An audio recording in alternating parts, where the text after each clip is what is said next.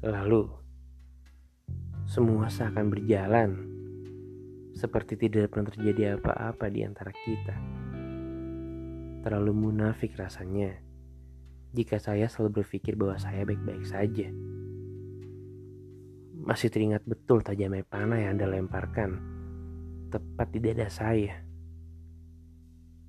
Beberapa waktu lalu, saya sempat menulis sesuatu yang saya ungkapkan dari lubuk hati saya. Dan ternyata terlalu kejam.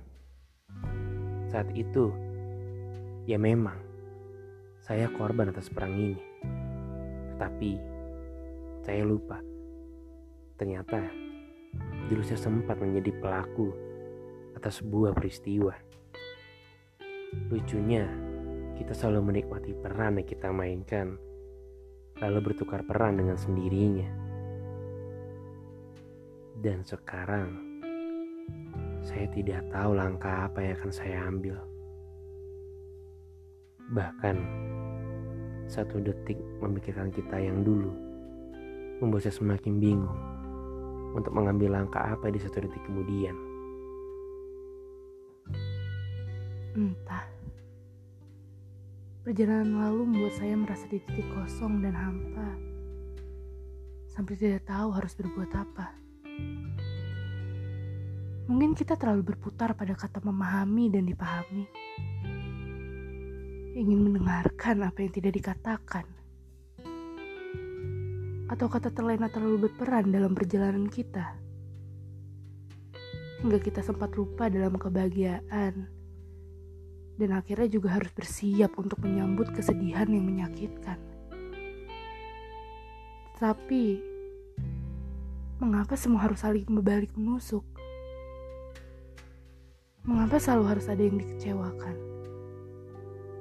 Mengapa kita tidak bisa berjalan sesuai dengan apa yang kita rangkai? Apa terlalu berlebihan untuk saya mempunyai harapan besar sekarang? Memperbaiki hal Ya mungkin kita tahu peristiwa tersebut akan selalu ada dalam bayangan perjalanan ini.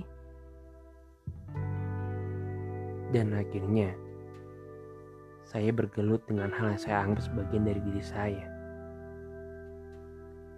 Pertanyaan dari kisah ini, kita yang terlalu terlena, atau mungkin kita yang terlalu memaksa untuk bersama. Bukankah kata memaksa terlalu berlebihan untuk kita yang sudah terlalu lama bersama? Merancang tanpa tujuan. Mungkin saat ini kita dibiarkan untuk kecewa. Dengan berakhir menangis bahagia. Mungkin. Dan, Dan semoga. Terima kasih untuk hal baik selama ini.